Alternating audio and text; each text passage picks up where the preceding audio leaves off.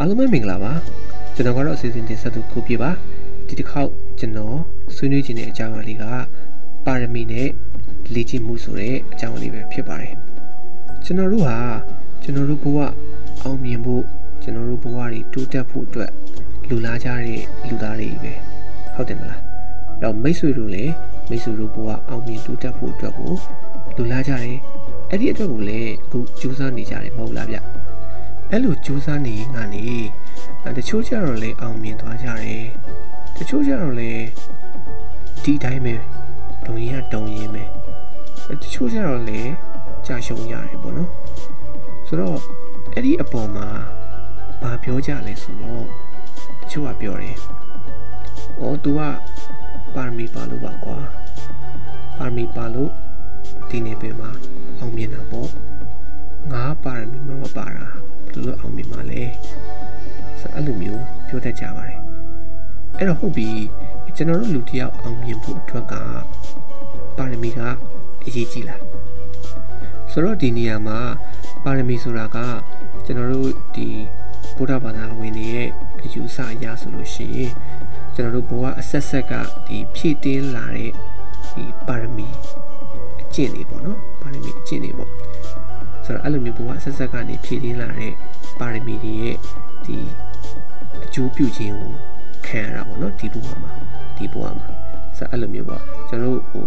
ရှေ့ရှေ့ဘဝတွေမှာကျွန်တော်တို့အာကျင့်လည်လာခဲ့ရတဲ့ဘဝတွေမှာဘဝအဆက်ဆက်ဒီဖြည့်တင်းလာတဲ့ပါရမီတက်ခတ်နေရစုပြီးတော့မှဒီဘဝမှာပြန်ပြီးတော့အကျိုးပြုတာပေါ့အဲ့တော့ဟုတ်ပြီဒါပါရမီအကြောင်းပေါ့အဲ့တော့ကျွန်တော်တို့အခုလက်ရှိ အနေထားကိုကျွန်တော်ပြန်ပြီးတော့ကြည့်အောင်ပေါ့နော်အခုလက်ရှိမှာကျွန်တော်တို့အောင်မြင်ဖို့အတွက်ပေါ့အဲ့တော့လူတယောက်အောင်မြင်ဖို့အတွက်ပါရမီကအရေးကြီးသလား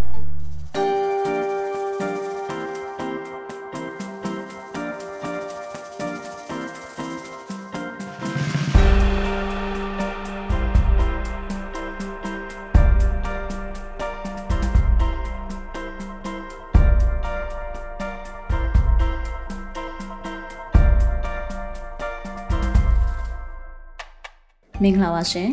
မင်္ဂလာပါခင်ဗျာ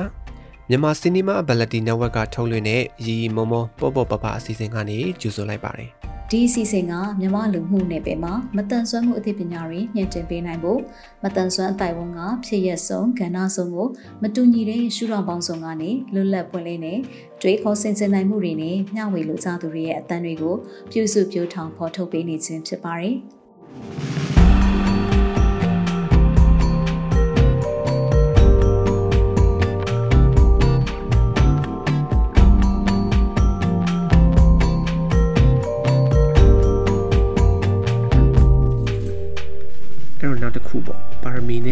တူတူ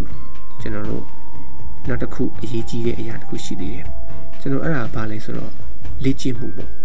အဲ့တော့ပါရမီနဲ့လေ့ကျင့်မှုအဲ့နှစ်ခုကိုကျွန်တော်တို့ရှင်းကြည့်တဲ့အခါမှာအောင်မြင်မှုအတွက်ဘုရားကအရေးကြီးတယ်လို့မိတ်ဆွေတို့ထင်ပါတယ်လေအဲ့တော့လေ့ကျင့်မှုကအရေးကြီးလားပါရမီကအရေးကြီးလားအဲ့တော့ဟုတ်ပြီကျွန်တော်တို့တွေးကြည့်အောင်ပေါ့နော်အဲ့တော့ပါရမီရှိတဲ့လူတစ်ယောက်နော်ပါရမီရှိရဲ့လူတယောက်က သူ့မှာတော့ဟိုပါရမီတော့ရှိပြီးသားထားပါတော့နော်အဲပညာပညာရေးပေါ့နော်အဲပညာရေးနဲ့ပတ်သက်ပြီးသူကပါရမီပါလာပြီးသားသင်လိုက်ရင်ဗျာခဏလေးအလွယ်တကူနဲ့သူကနားလေတယ်အလွယ်တကူနဲ့လေသူကတက်တယ်ဆိုတော့ဒီလိုလူမျိုးကဒါပညာပိုင်းမှာပါရမီပါလာတယ်လို့ပြောလို့ရတယ်ပေါ့နော်ဆိုတော့ပုံမှန်တာမန်လူတယောက်တနားရီလောက်သင်မှတက်တဲ့ပညာကိုသူကမိနစ်ပိုင်းလေးနဲ့တက်သွားတာမျိုး စသဖြင့်ပေါ့နော်ဆိုတော့နည်းနည်းလေးလေးလာလိုက်ရုံနဲ့များများသိသွားတဲ့လူမျိုးပေါ့ဆိုတော့ဒါပညာပိုင်းမှာပါရမီပါလာရင်လို့ပြောလို့ရတယ်ပေါ့ဆိုတော့အဲ့လိုမျိုးပညာမှာပါရမီပါလာတဲ့သူတယောက်ကကျွန်တော်တို့စာမကျက်ပဲနေစာမွေးအောင်မလားနော်ကျွန်တော်ငငယ်လေးကဝါလုံးနေခါကြီးတွေကအရေးမလေးကျင့်ခဲ့ပဲနဲ့ကျွန်တော်တို့ကစာရေးတတ်မလားကိုကိုတိုင်းကလိုက်မလုပ်ပဲနဲ့ဒီဘဝမှာပညာတတ်ဖြစ်မလား ဒါကျွန်တော်စဉ်းစားကြည့်ရအောင်ပေါ့နော်ဆိုတော့ကျွန်တော်တို့ပါရမီပါတိုင်းကျွန်တော်ကအောင်မြင်တယ်လို့อืมတရားတည်ပြောလို့မရဘူးဗျအဲ့တော့ပါရမီပါပြီးတော့မှ လေ့ကျင့်မှုเนาะကြိုးစားအားထုတ်မှုတွေမရှိဘူးဆိုရင်လည်းကျွန်တော်တို့မအောင်မြင်နိုင်ဘူးအဲအဲ့တော့ဟုတ်ပြီလေ့ကျင့်မှုတွေကြိုးစားအားထုတ်မှုတွေကတော့ရှိပါပြီเนาะလေ့ကျင့်မှုတွေကောင်းတယ်ကြိုးစားအားထုတ်မှုတွေကလည်းကောင်းတယ်ဒါပေမဲ့ပါရမီမပါဘူးဆိုရင်ရော အဲဒါဆိုရင်တော့ကျွန်တော်စဉ်းစားမှာကမအောင်မြင်နိုင်ဘူးလို့တော့တက်ကြည့်ပြောလို့မရဘူး။ဘာလို့ဆိုတော့သူကပါမီမပါဘူးဆိုပေမဲ့သူကတအားလေ့ကျင့်တယ်တအားကြိုးစားတယ်ဆိုလို့ရှိရင်အောင်မြင်နိုင်တယ်။အောင်မြင်နိုင်ခြင်းရှိတယ်။ဒါပေမဲ့ပါမီမပါတဲ့ခါကျတော့ပါရမီပါတဲ့လူထက်တော့အစ၃ဆလောက်ကြိုးစားရမယ်။အချိန်ပေးရမယ်။သူ့ရဲ့အောင်မြင်မှုရဖို့အတွက်ကအချိန်ကြာကောင်းကြာလိမ့်မယ်။ စတီနှစ်မျိုးမှာကျွန်တော်ဒီလိုမျိုးလေးစဉ်းစားလို့ရတယ်ပေါ့နော်ဒီလိုမျိုးလေးတွေးကြည့်လို့ရတယ်ပေါ့နောက်အဲ့တော့ပါရမီရှိတိုင်းလည်းမလေးကျင့်ရင်မအောင်မြင်ဘူးလေ့ကျင့်တိုင်းလည်းအောင်မြင်မယ်လို့တအပ်ပြောလို့မရနိုင်ပါဘူး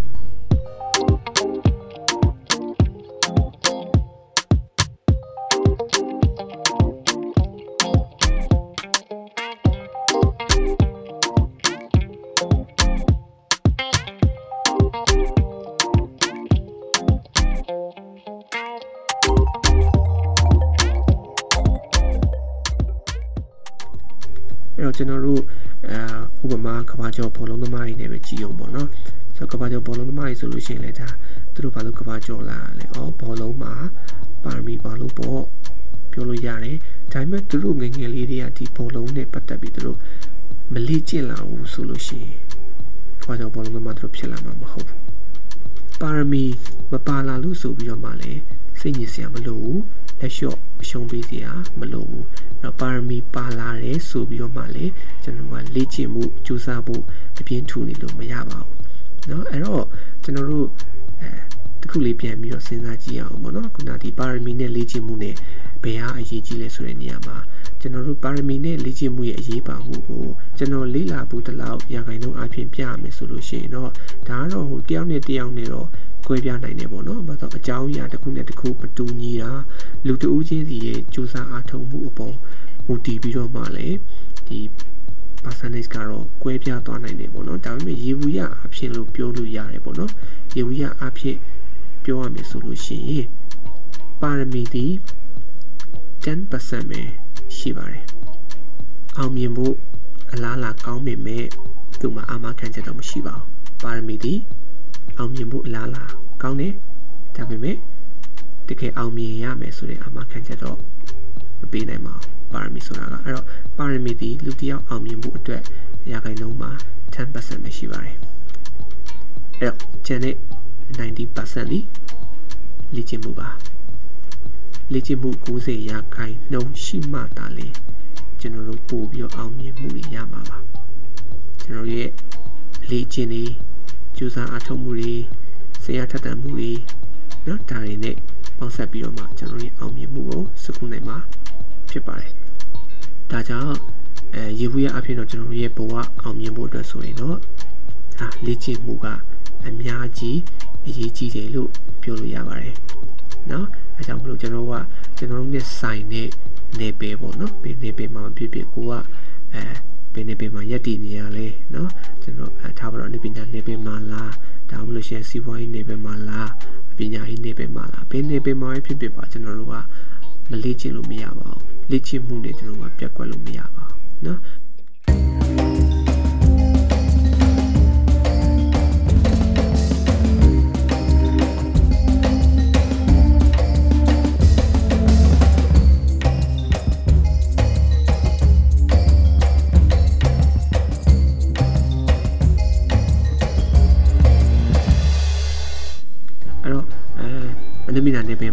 ကြည်အောင်မလားကျွန်တော်တို့ဆိုတော်ရီဆိုလို့ရှိရင်လေနော်တချင်းဆိုတာကိုအမြဲလေ့ကျင့်နေရတယ်အဲ့တော့ဂီတာသမားကြီးဆိုရင်ဂီတာကိုအမြဲလေ့ကျင့်နေရတယ်ဆိုတော့ဒီလိုပဲကျွန်တော်တို့စီးပွားရေးနေပင်မှာဆိုရင်စီးပွားရေးနဲ့ပတ်သက်တဲ့နော်လေ့လာလိုက်စားစရာတွေလေ့ကျင့်ရမယ့်အရာအများကြီးရှိတယ်ကျွန်တော်နော်လူရှိသူရှိမှာဟောပြောမလားဒါဆိုလေလွယ်လွယ်ကူကူနဲ့မမရတာကျွန်တော်ကဟောပြောတဲ့ဟာကိုကျွန်တော်ကလေ့ကျင့်ရမှာပဲနော်တော့ပညာရေးမှာဆိုလို့ရှိရင်လည်းကိုက အာစာသင်နေတဲ့လူတစ်ယောက်လားအဲစာသင်မှုအတွက်ဆိုလည်းစာသင်တာနဲ့ပတ်သက်ပြီးကျွမ်းကျင်လာဖို့ကျွန်တော်အများကြီးလေ့ကျင့်ခဲ့ရတာပဲเนาะဆိုတော့အဲ့တော့ကျွန်တော်ရဲ့ဘဝမှာလေ့ကျင့်မှုကအရင်ကြီးကြီးပါတယ် အဲ့တော့လေ့ကျင့်မှုကိုကျွန်တော်တို့ကပြင်းနေလို့မရဘူးပေါ့နော်ခုမှနော်ပါရမီလည်းရှိမယ်လေ့ကျင့်မှုလည်းကောင်းမယ်ဆိုလို့ရှိရင်တော့ကျွန်တော်ကဒါအတိုင်းထက်အလုံးပဲပေါ့ဗျာအဲ့တော့ကိုယ်မှာပါရမီရှိလားမရှိလားဆိုတာကို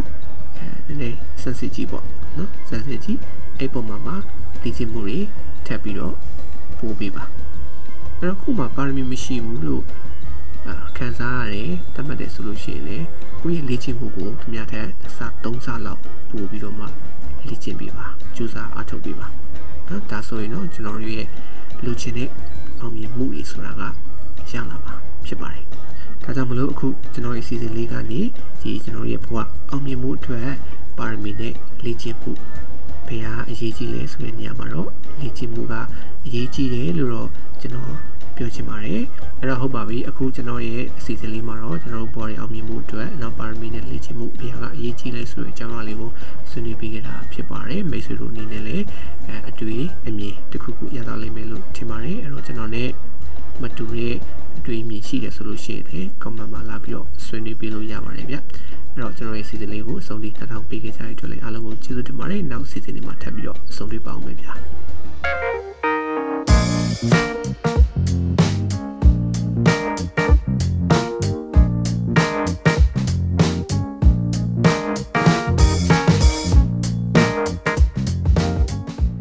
ကျမတို့ရဲ့ရေရေမမောပေါပေါပပ podcast အစီအစဉ်မှာအလုပ်တင်ဖြစ်ဖန်တီးမှုမျိုးစုံကိုလက်စွမ်းပြလှုပ်ဆောင်ဖို့စိတ်ပါဝင်စားသူများအနေနဲ့ Google Form ကနေပြီးတော့မှမိမိတို့ရဲ့မှတ်ပုံတင်ရှင်းနှောင်းနဲ့အလှတက်ပုံတစ်ပုံအပြင်နမူနာလက်ရာတစ်ခုနဲ့အတူအမြင့်ဆုံးရှောက်ထားဖို့ဖိတ်ခေါ်လိုက်ပါရစေ။နောက်တစ်ပတ်ဗုဒ္ဓဟူးနေ့မှာပြန်ဆောင်ကြရအောင်နော်